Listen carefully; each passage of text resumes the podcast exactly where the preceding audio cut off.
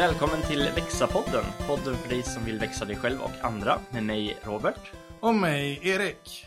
Idag har vi en gäst i studion. Välkommen Andreas Jacobeus Fejes. Tack så mycket, kul att vara här. I korthet, vem är Andreas? Jag jobbar som professor i vuxenpedagogik på Linköpings universitet. Eh, och eh, driver även ett företag med framförallt fokus numera på att producera och sälja öl, Vreta Kloster Bryggeri. Två typiskt närrelaterade områden. De är väldigt närrelaterade, eh, klockrena. Mm. Går, går att sammanfoga bra. Um, vi hoppar in på första frågan som är hur växer du dig själv? Ja, nej men för mig, jag reflekterar på ett sätt inte speciellt mycket om detta utan jag är en person som kör på. Eh, antingen, eh, för mig är det, finns det ingen mellanväxel utan antingen är det 0% eller eh, 150%. Så att, eh, Och hur går det med två jobb? ja, jo, nej men det är ju då 150%. Eller? På båda? Ja, på båda. Nej. eh, nej, men så för mig, så för mig handlar det väl, alltså för mig är väl att växa då, för mig skulle det bli att utvecklas. Alltså Mm. att få nya utmaningar, att få känna meningsfullhet Mm. i tillvaron. Meningsfullhet med det man gör eh, och inte stå och stampa på samma ställe, skulle Mm. jag säga till stor del. Eh, och det är därför jag, sö- man kan säga att jag har, söker ständigt nya utmaningar. Mm. Ja, just nu då som sagt var att få Få, få se hur, hur, hur långt kan man gå att bygga ett varumärke med fokus bara på öl i belgisk stil Mm. i Sverige. Hur kom du in på den, alltså den resan från vuxenpedagog, universitetet till Vreta klosterbryggeri? Vad va, va är, vad är, vad är, är den röda tråden som fick dig gå till, från det ena till det andra? Alltså det, det finns ingen röd tråd på ett Den röda tråden är väl att få nya utmaningar. Eh, och att jag startade bryggeriet, eh, jag brukar säga att det är en ganska stor slump. Om man ska berätta lite bakgrund där. är Att, eh, jag startade bryggeriet i hösten 2019. Och då hade jag bara bryggt öl hemma i ett och ett halvt år. Och anledningen att jag bryggde öl hemma var i sig en slump. I början på 2018 när jag, jag har två barn, familj. Eh, och när de, eh, under den perioden sen de kom till så att säga så har jag slu, helt slutat läsa böcker hemma. Alltså deckare och annat, som un, så underhållningslitteratur. För att det har jag, jag måste få ro, jag måste få, jag är en sån person som vill ha fokus på någonting. Jag vill inte ha störande så, saker som stör omkring mig. För jag är mest effektiv när jag får fokusera. Eh, och då är jag väldigt effektiv. Eh, och eh, med någon slump så tog jag fram en bok i bokhyllan där i början på 2018 som handlar om hembryggning. Eh, Så det hade ju kunnat handla om någonting annat. och så läste jag och insåg att oj, det går ju, verkar gå att göra öl hemma på ett bra sätt. Alltså göra bra öl hemma. Och så prövade jag. Och så var det fantastiskt. Och sen fortsatte jag på den banan. Så, så börja med en bok. Va, vad, vad mer använder du för, för verktyg för att, jag misstänker att en bok inte lärde dig allt du behövde. För Nej, att, utan då blev det ju att läsa. För man, det är ju böcker, det är ju det som forskare jag sysslar med att läsa och skriva i jobbet. Så att, nej men då handlar det mycket om att kanske köpa lite fler böcker om bryggning. Eh, använda internet som alla gör. Eh, titta lite på YouTube-klipp, men framförallt läsa vad, kloka, kloka inlägg från personer som har erf mer erfarenhet helt enkelt i området. Och sen börja experimentera och pröva sig fram och fråga folk, prata med folk. Du vet, eh, tjata och säga, berä- berätta, hur gör du och hur tänker du kring det här? Eh, Så att på det sätet eh, lärde jag mig det.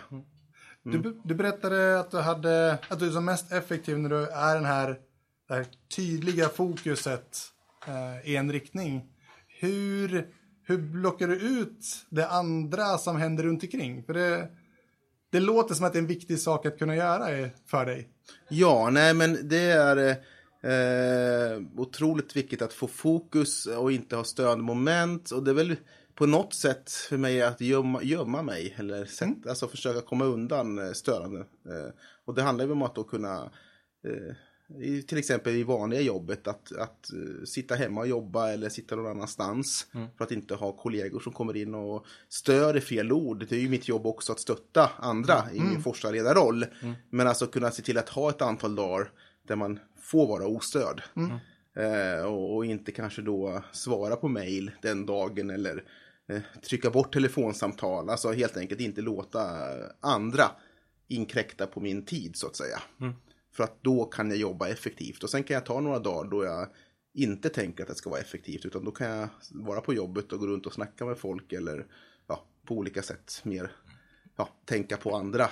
För då vet jag att idag ska jag inte producera någonting. Berätta det för andra runt omkring också så att de vet att idag är det ingen idé att störa Andreas. Idag är det... Eh, Nej, det gör jag väl inte riktigt så heller. Eh, det, ska, det ska jag inte säga riktigt. Eh, där, finns, där kanske jag är lite otydlig. ja, ja, nej, nej, men det- absolut. Men där, där, där är jag lite otydlig. Absolut. Det lå- det låter som att ja, men, olika arbetsuppgifter kräver lite olika arbetssätt. Liksom att ja, men, när du själv ska läsa eller skriva, att det är då du behöver fokus. Men sen har du det här liksom, ja, men, stötta andra i, i- i deras jobb och då be, behöver du vara tillgänglig uppenbarligen. Ja, självklart att du behöver vara det. Eh, Att du har lite olika taktik för det helt enkelt. Ja, absolut. Och, och helt enkelt försöka fokusera på inte för många saker exakt samtidigt. Utan ta, alltså ha lite dålig framförhållning. Eller rättare sagt jobba, jobba mot deadlines. Eller det är så många olika deadlines så att ta, idag gör jag det som ska förberedas inför morgondagen. Och innan dess så finns inte det i min tanke. Alltså, då vill inte jag tänka på det. För att det är så många saker som ska göras. Och det kan ju frustrera andra naturligtvis då, att de kanske vill planera mera. Men jag, för mig, det finns inte, för då, det kommer inte funka med så mycket saker att göra. Hör du Robert? I, I vårt samarbete så är ju Ro- Robert är den planerande, den som vill ha en plan för långt fram och boka upp. Jag är ju också sån som det här ska jag göra just nu, stör mig inte med det andra, jag, jag är inte där än. Och nu är jag här borta, stör mig inte, nu är jag här. Så jag känner igen mig i det du beskriver. Och sen kan man väl säga, det var väl inte jag, jag är ju en planer, i grunden en ganska strukturerad planerad person. Men, men när, när det blir så många olika saker att Ja. göra, då, finns, då kan man inte göra det på det sättet. Förstörde min argumentation. Tack, jag, jag, det uppskattas. om, om vi backar tillbaks till, du, du har sagt vad bakgrunden som vuxenpedagog. Har du använt och i så fall vad och hur har du använt den kompetensen när du gav dig in i ölbryggeri för att lära dig just om ölbryggeri? Nej, alltså, man, på, på ett sätt, först kan man säga så här att, att, att när jag pratar om vuxenpedagogik för mig handlar det inte så mycket i mitt fall och vad vi sysslar med i forskargruppen om personlig utveckling eller lärandet i den bemärkelsen utan mycket forskning handlar mer om förutsättningar för att kunna växa. Alltså det handlar om att, alltså forskning som handlar om hur, alltså forskning som kan handla om hur, hur, vad är det för hinder för människor att delta i studier. Eh, det kan handla om hur påverkar olika samhälleliga faktorer som marknadsorganiseringen av vuxenutbildningen, hur påverkar det de som är verksamma i, i verksamheten, de här olika villkoren. Så det för mig handlar mycket om strukturer, eh, organisa organisationer, hur det påverkar människor i organisationer, så kan man säga. Så inte så mycket om, om du förstår vad jag menar, det psykologiska eller det, Det det, inom, växandet. inne i huvudet, så kan man säga. Så det är viktigt att klargöra. Så, att, så, att, så, så, så, så konkret där då, det innebär att jag har inte haft jättemycket, jag har inte den bakgrunden. Nej. Däremot naturligtvis så, genom att jag har jag är professor, jag gjorde en väldigt snabb karriär och när jag fokuserar på något så går det snabbt och det blir bra i grunden. Uppenbarligen. Eh, och eh, så innebär ju det att jag, de egenskaperna, att snabbt kunna ta till sig kunskap, snabbt kunna eh, välja nya vägar, lösa problem. Alla de här sakerna gener, med generiska egenskaper, de är ju användbara i andra sammanhang så att säga. Så det, det, det, det är tydligt naturligtvis. Det gör ju att jag har inga problem med alla problem har man ju alltid när, när man ska handskas med tjänstepersoner och lagstiftning och tolkning av lagstiftning. Men, eller problem. Men, eh, men jag har ju inga problem med detta med att snabbt kunna hantera de olika administrativa aspekterna av att driva ett företag och att driva ett bryggeri och så vidare. Ehm, så att, ja. Och även det här med att lära sig hur gör jag bra öl. Jo men att jag är inte rädd för att pröva nya saker och blir det fel så gör man om och så prövar man sig fram. Det, låter som ett återkommande tema just det här med att prova och se och snabbt komma till. Har du exempel där du har provat någonting och det kanske inte föll ut väl och, och vad du antingen tagit med dig därifrån eller Ja, men alltså jag, jag tänk, jag skulle säga så här, om man generaliserar lite erfarenheterna på, inom olika delar av, av, av livet. Ska jag säga så här att, att om, om någonting inte faller ut väl, det är att inte stå och grumsa kring detta och Ja. låta det vara i vägen. Utan var sur eller besviken i en eller två dagar. Sen är det borta. Sen börjar du köra vidare.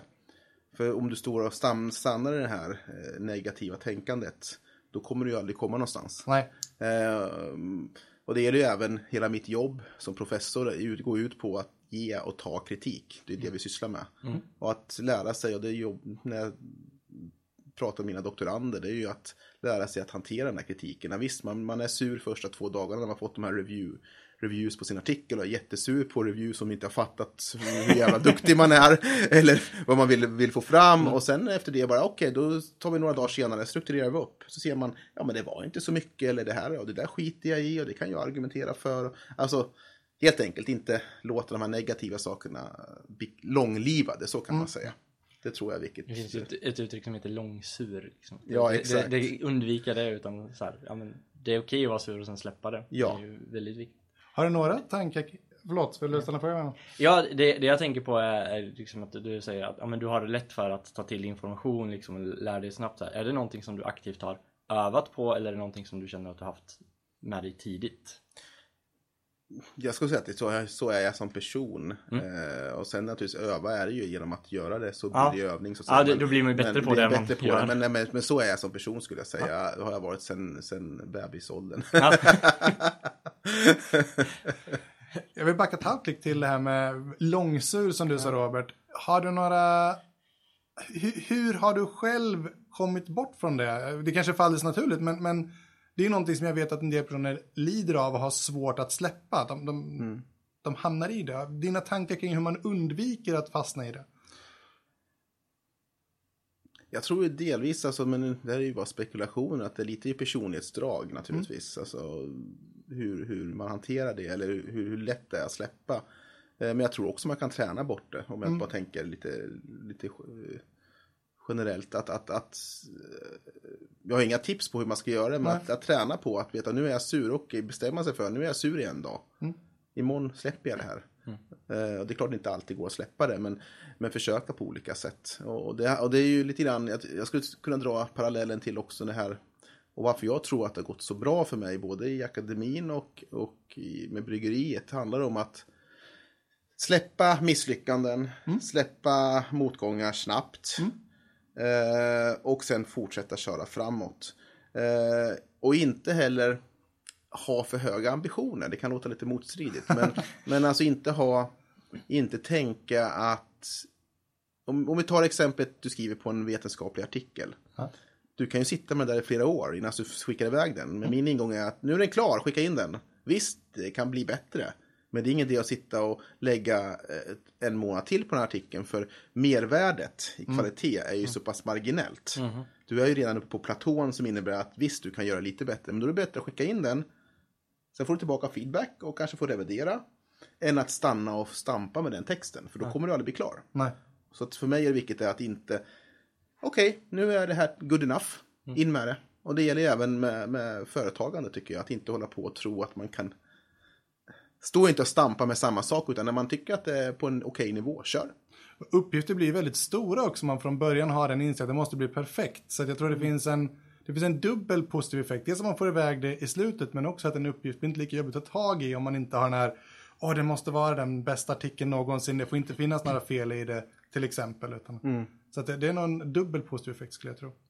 Jag, jag tänker, ehm, för det, när, det första jag tänkte när du sa det var så här, jaha, ska man inte ha så höga ambitioner liksom? Eller så här, men jag förstår att det är ju i den uppgiften man gör nu. Däremot kan man ju ha liksom långsiktigt Absolut, tänk. att- för, absolut. för, så här, för min uppfattning eh, av det är när du startade bryggeriet, att du hade liksom en, en större plan eller vision som du skulle ville till. Men att det, det var liksom mer långsiktigt medan du vet här och nu så här, ja men det här ölen är tillräckligt bra för att vi ska börja med den. Är det lite så du tänker? Eller hur? Alltså jag skulle nog, alltså, generellt skulle jag säga att absolut att eh, tänka långsiktigt kanske kring en ambition. Eh, men samtidigt skulle jag säga om man tar bryggeriet, jag säger fortfarande det är en slump. Ja. Jag hade inga, nej men alltså det, för, om man tar det som exempel, just den saken, det handlar ju om att jag bryggde öl hemma, oj, jag hade för mycket öl. Vad krävs att starta ett bryggeri? Jag måste sälja ölen, jag fick starta. Oj, folk började köpa ölen, det tog slut. Jag måste brygga mer. Okej, så, Ja, så det, det fanns liksom ingen större Nej, nej, nej, tanke nej, med nej, nej, det fanns. Och sen, oj, jag måste hitta en lokal, större, en industrilokal här och köpa större grejer. Det är ett investering, det är ju ett steg. Ja. Ta lite större risker. Alltså, så har du ju... Mm. Nu naturligtvis har jag ju ett långsiktigt mål eh, s- med, med bryggeriet och Mm. så. Men då det, återigen, det handlar ju inte om ekonomiska aspekter egentligen. Det handlar om utmaningar. Nu, nu, Mm. är jag, nu är målet för mig att ingen av 500 bryggerier i Sverige, ingen har någonsin sagt att nu ska vi bara göra öl i belgisk stil och satsa på det. Jag gjorde det för att jag älskar Belgien och belg och öl, så jag hade inga tankar. Men nu är det mera för mig att se, okej, uppenbarligen har det gått att växa. Nu ska vi se, hur mycket kan jag växa med det här? Och sen i efterhand säga, titta, det gick. Ni andra trodde ju inte på det här. Är det en viktig sporre? Absolut. Ja, Absolut. det lät så på dig nu. Ja, men, men Ja, så är det ju. Och, och, ja, men, men det, så är det ju. Det är även när det gäller, gäller min akademiska karriär. Att, att, att den gick ju väldigt snabbt. Och det är ju också en sporre när folk tittar och du vet, du får sura miner från folk som tycker att du ska inte tro att du är någonting och du ska, du vet, eh, Vet din av, plats. av, veta din plats, avundsjuka. Det stöter man ju på väldigt mycket. Eh, och då är det, det blir ju en sporre för mig att säga fuck you. Titta, det går ju. Du sitter där och inte skriver klart. Jag skriver klart snabbt som fan. Titta. Jag är professor. Du är, eller förstår ni vad jag menar? Alltså, det, för mig är det en sporre att säga fuck you lite grann till folk som, som är gnälliga, inte ja, tycker att man ska hålla sig på en viss plats och så vidare. Så visst, det är en sporre. Missunnsamma också. Ja, missun, missunnsamma, exakt. Så, så det är en sporre för mig, har ju varit naturligtvis. Då Vet vet du var den kommer ifrån, den spåren?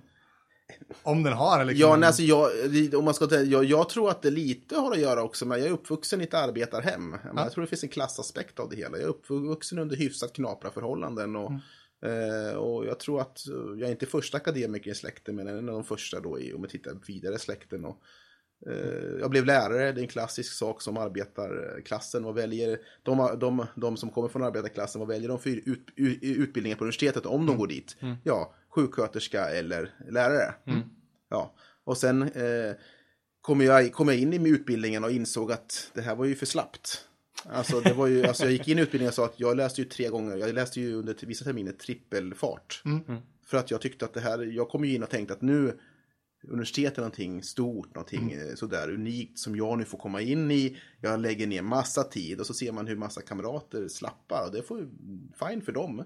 Och de får samma omdömen. Alltså, alltså förstår ni, de klarar av det. Jag klarar av det genom att jag lagt tio gånger så mycket tid och gjort det dessutom mycket bättre skulle jag hävda. Ja. Eh, men så inser man, men fan, vad är det här? Eh, Varför ska jag lägga så här mycket tid? Ja, men då gör jag en kurs till och så gör jag en kurs till. Så det finns ju naturligtvis en sporre i det, att en besvikelse lite grann kanske först på universitetet då. Att vad är det här för, för lekplats? Mycket på här scrappers och grit, såna engelska uttryck. Det känns som att eh, de, de passar rätt bra in på Jo, det. nej, men alltså jag, jag, om jag ska vara jag är, jag är personligen så väldigt skeptisk kring eh, psykologisering av, jag, det ni kanske sysslar med lite grann. Och det är fine, alltså, så- men, det är mer, eh, men, men, men om, man, om man skulle gå den vägen så absolut, det finns skit. Eh, klart. Det är Absolut. bara ett ord på det. Nej, nej, nej, men jag håller med. Jag, jag, jag, skulle, jag skulle också använda det ordet eh, så, om jag nu skulle, om jag skulle använda det. Gå in i det psykologiserade språkbruket. Ja. ja.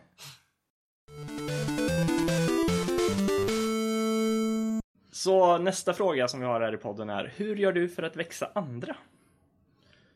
Ja, nej men för mig i grunden eh, eh, handlar det om att låta folk göra egna misstag.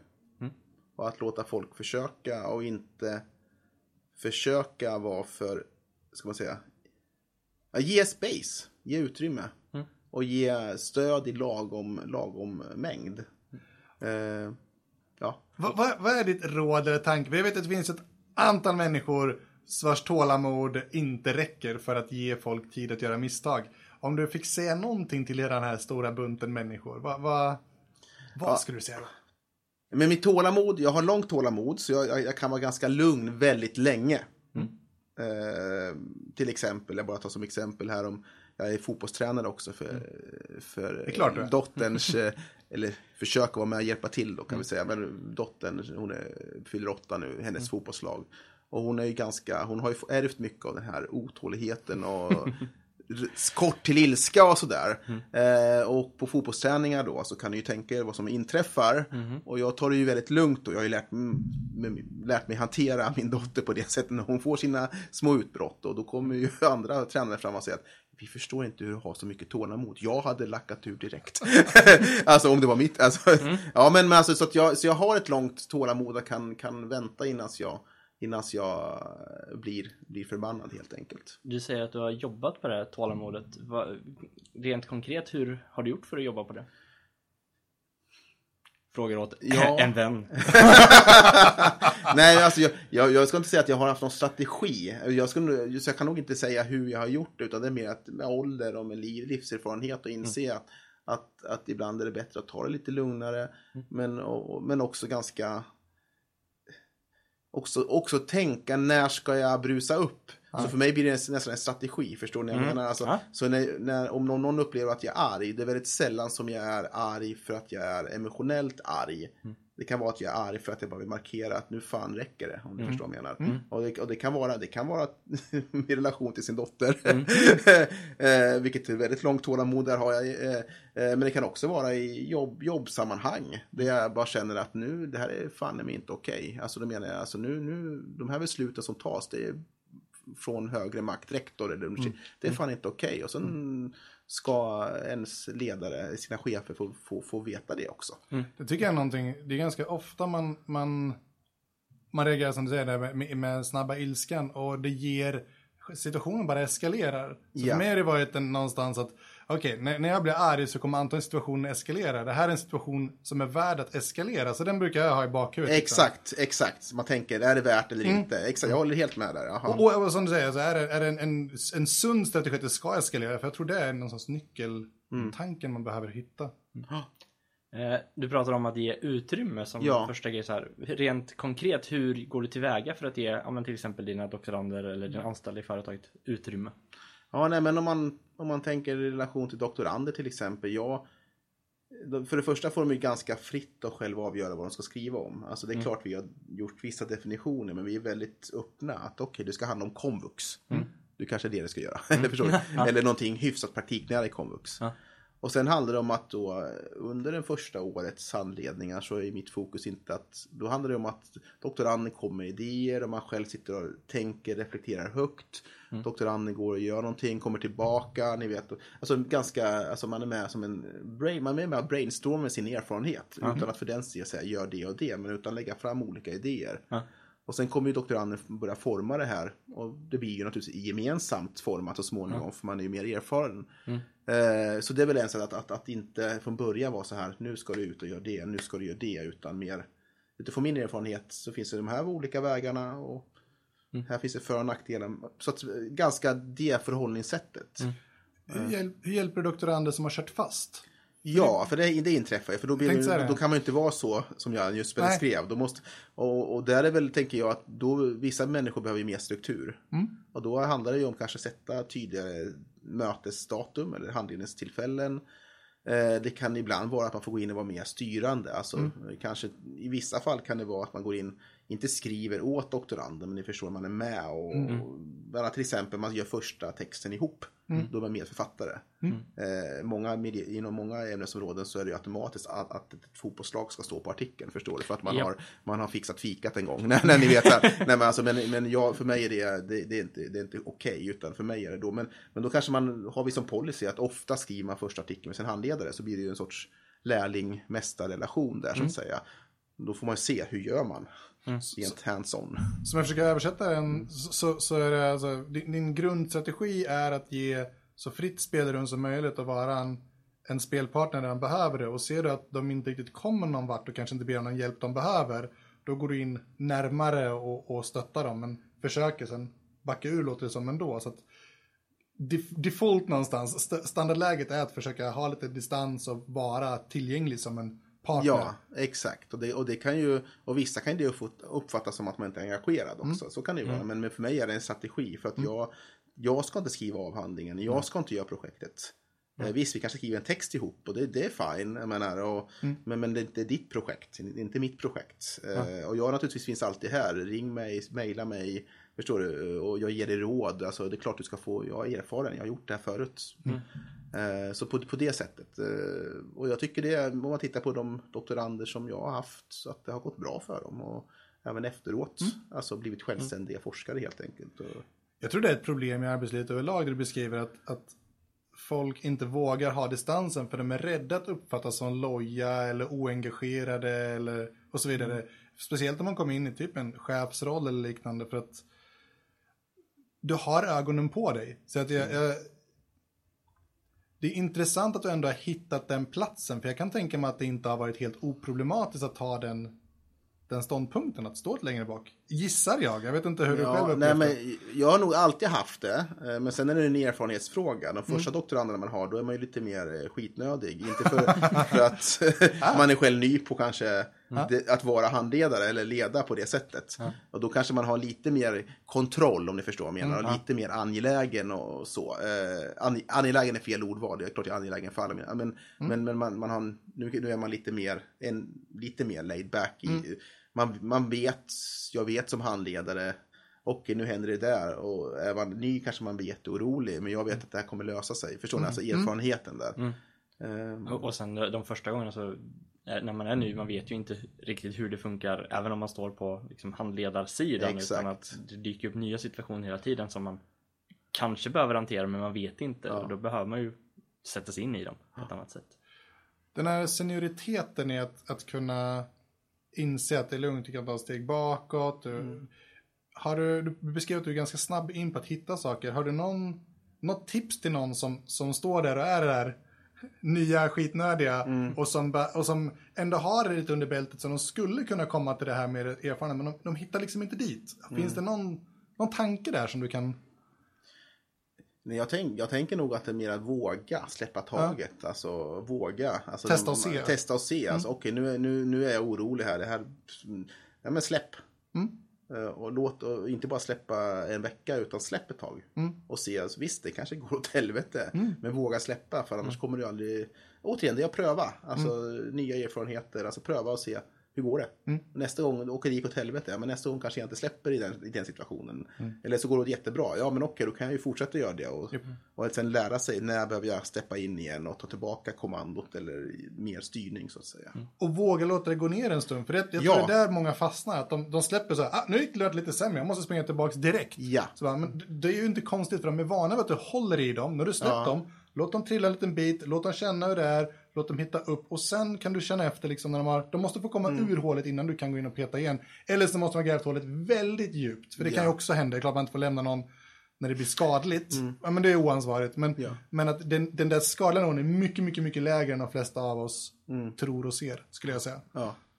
Nej men om man sen jämför, alltså om man tar min forskarroll, jag är också forskningsledare för vår avdelning. Jag har ingen personalansvar men jag har ansvar för forskningsutvecklingen så att säga.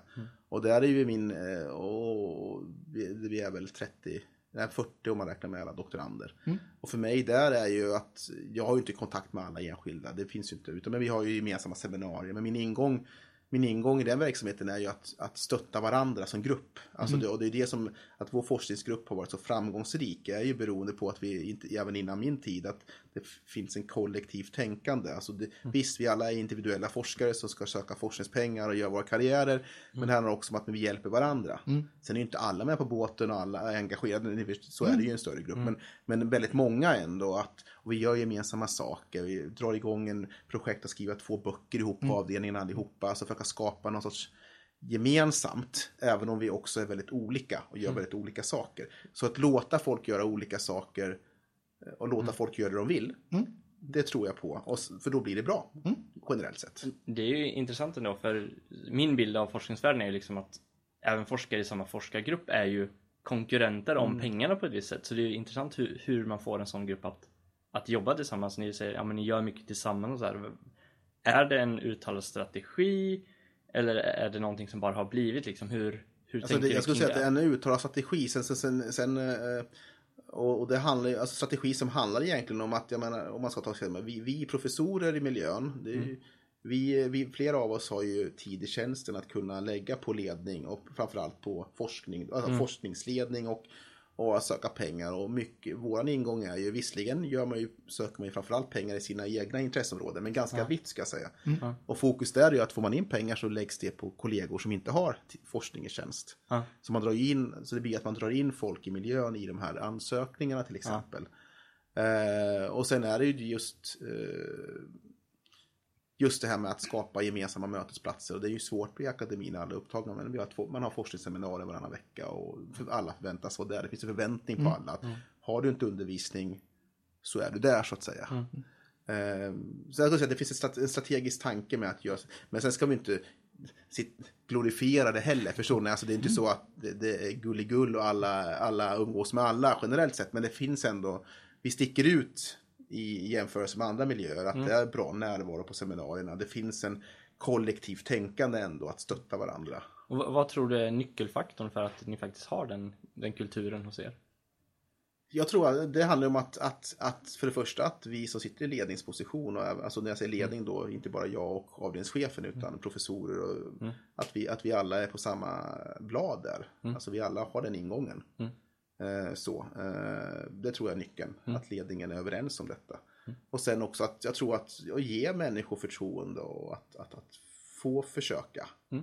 Eh, och det handlar för oss mycket om att nyttja resurserna så att vi tar, tar hand om också de doktorander som blir klara, att vi utlyser postdoktortjänster, alltså för att ge en grund att bygga sin karriär på så att säga.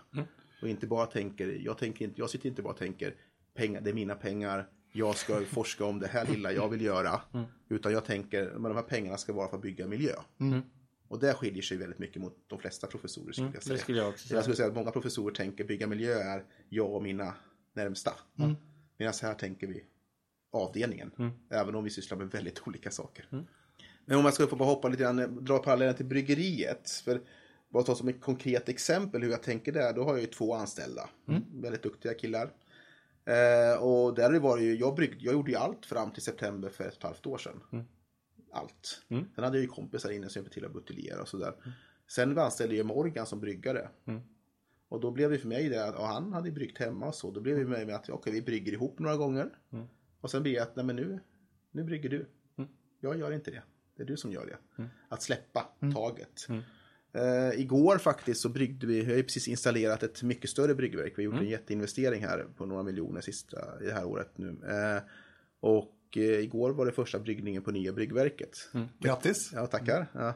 Och det var ju tre kärlsbrygg. Ja, det, är- det är ett helt nytt bryggverk mot det vi har haft. Och vi, vare sig jag eller Morgan eller Jerry har bryggt på något sånt. Och så var Nils nere, säljaren då, bryggverket, så han var med och kunde hjälpa till och visa. Eh, Och ingången där från vår sida som jag pratade med Nils om att du ska, kontakten ska du ha med Morgan. Jag ska inte kunna det här. Jag vill lära mig, men jag, men jag ska lära mig av Morgan sen.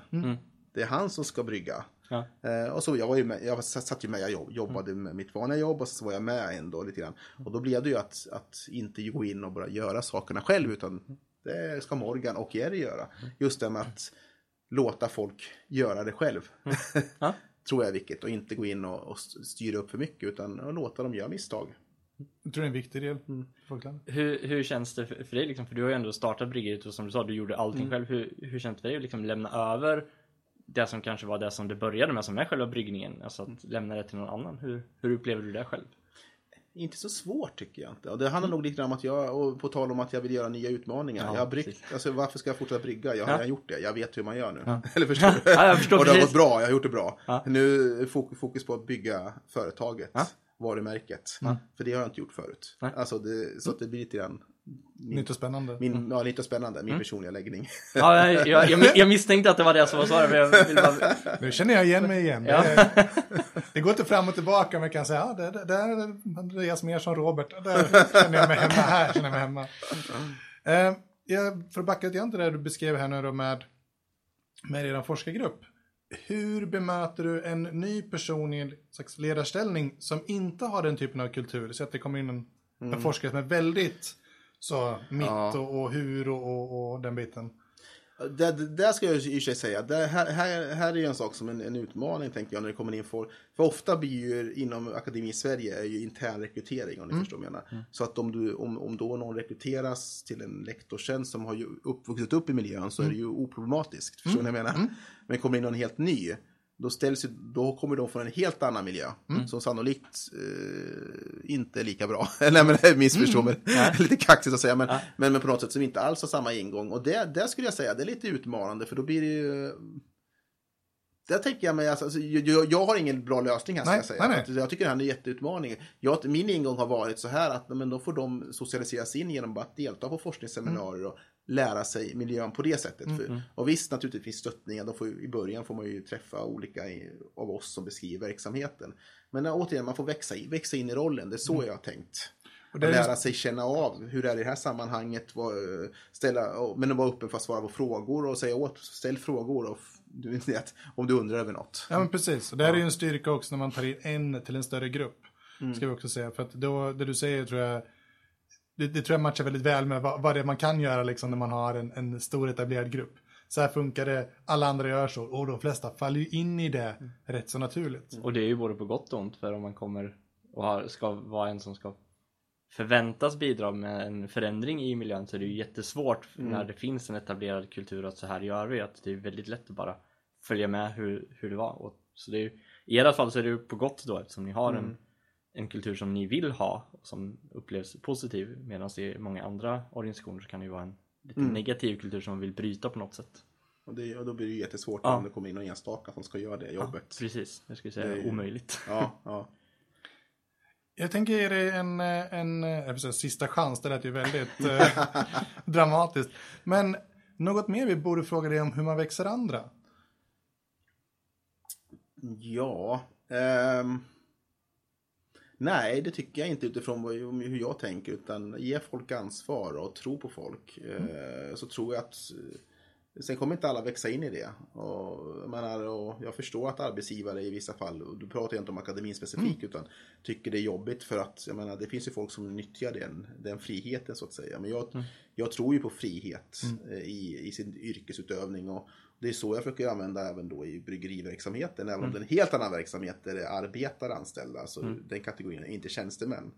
Men jag tycker att eh, ge även fri, vissa ganska stort manöverutrymme. För jag tror då växer folk och, och, och känner ansvar och, och tycker det är kul. Jag delar din bild helt. Ja, jag också. Det, ja, men just det här att sätta, tydl, kan sätta tydliga ramar, men så här, innanför det här får du göra vad du vill. Så här, du, Ja, ska, exakt. du ska brygga bra öl.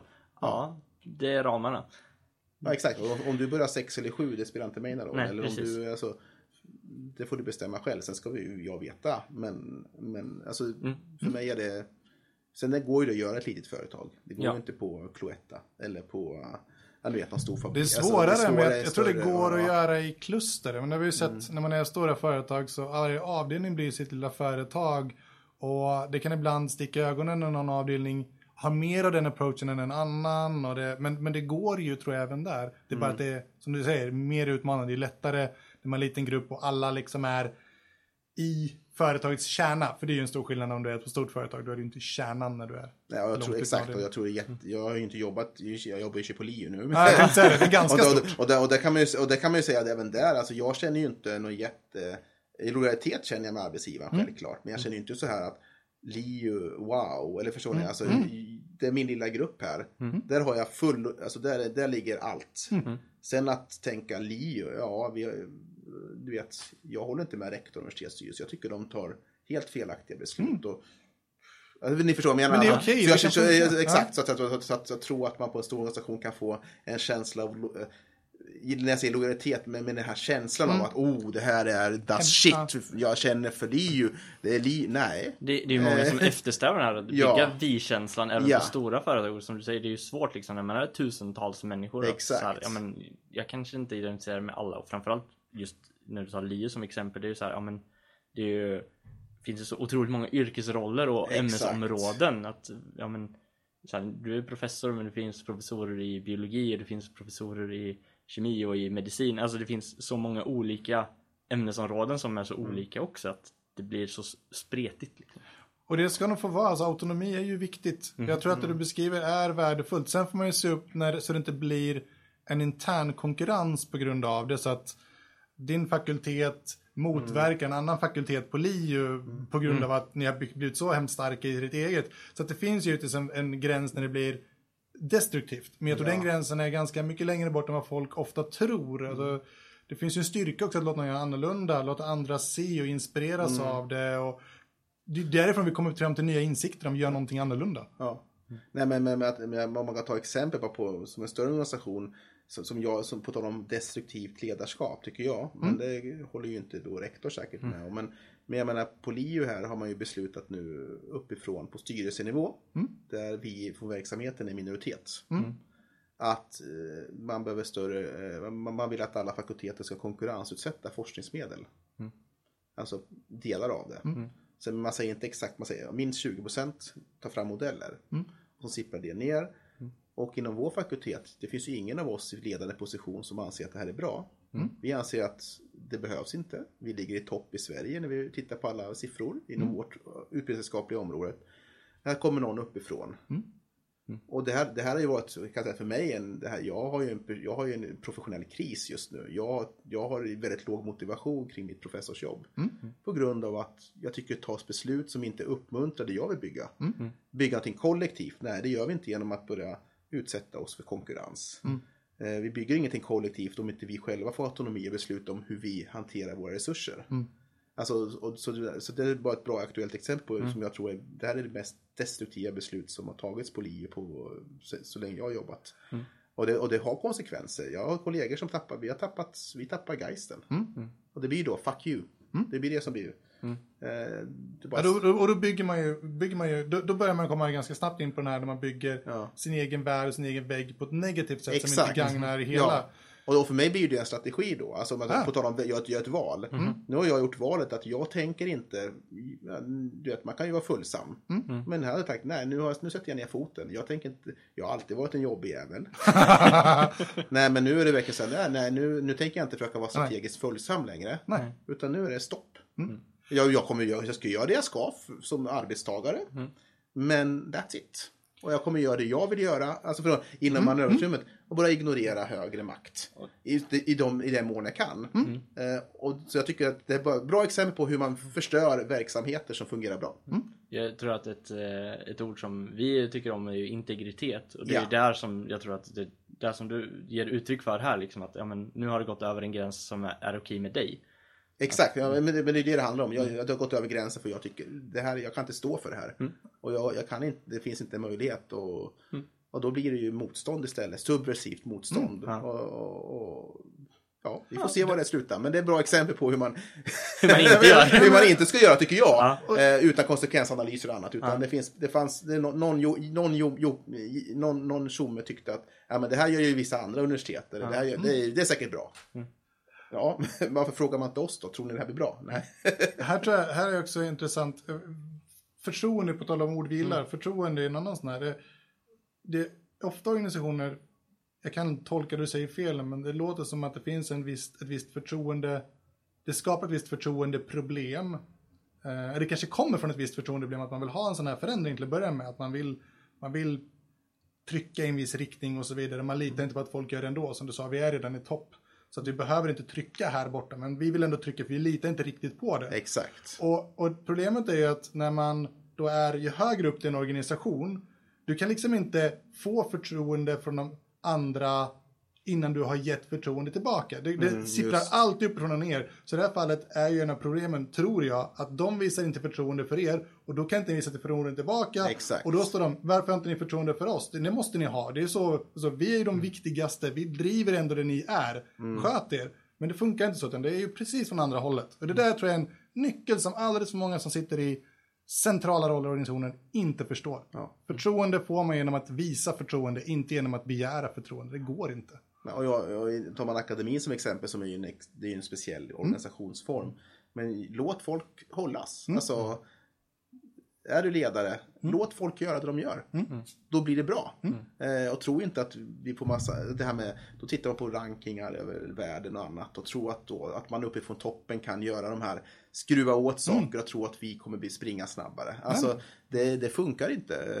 Eh, Och det vet vi från forskning också, men det skiter ju ledningar i att titta på forskning och sånt här. Utan Vad säger forskningen i det här fallet? Nej, men alltså, om, man, om man generaliserar väldigt mycket så, så f- de olika typer av de här satsningar som görs från olika instanser vad gäller med att försöka hitta, bygga excellenta miljöer, ni vet, satsa på stora miljöer. Eller, ol- det visar ju att det, det faller ju inte, det blir ju inte det blir ju inte mer, bättre menar jag. Eh, och även om vi tar styrning av, men det handlar ju om styrning av offentlig verksamhet det här. Då vet vi ju att när man inför olika numer, numeriska system för att mäta kvalitet, vad händer då? Ja, då börjar folk göra det man behöver för att få de här siffrorna. Ja. Ja, okej, polisen inför ett system som innebär att vi måste få fler incidentkryss. Alltså, ja men då tar vi de lätta brott. Eller, eller inte vet jag, alltså, man, man anpassar och, och, och att det vet vi, det funkar inte. Men ändå så används ju det här.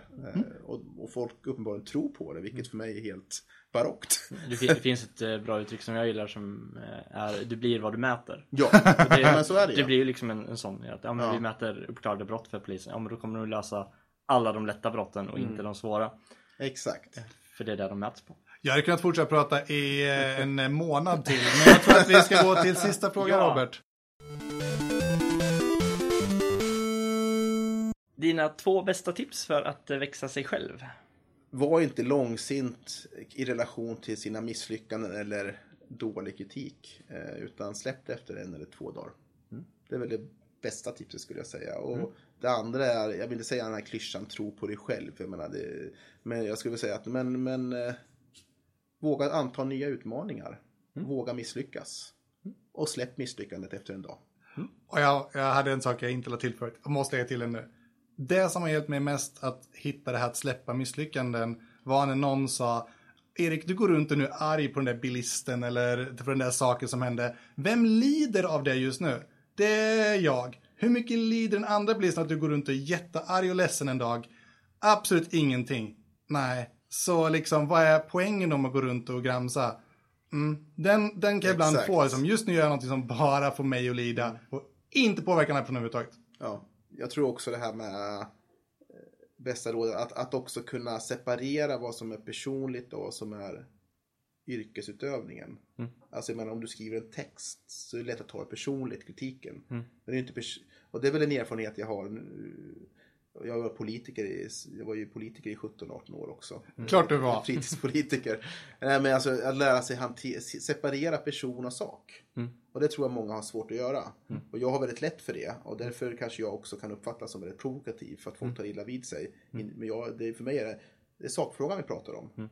Om du är snäll eller inte, det är en annan sak. Och du är säkert jättesnäll och vill jätteväl. Men det här är en idiotiskt förslag du lägger fram. Alltså för, så, att, så att det tror jag också är ett tips. Att, att separera, lär dig att separera sak och person.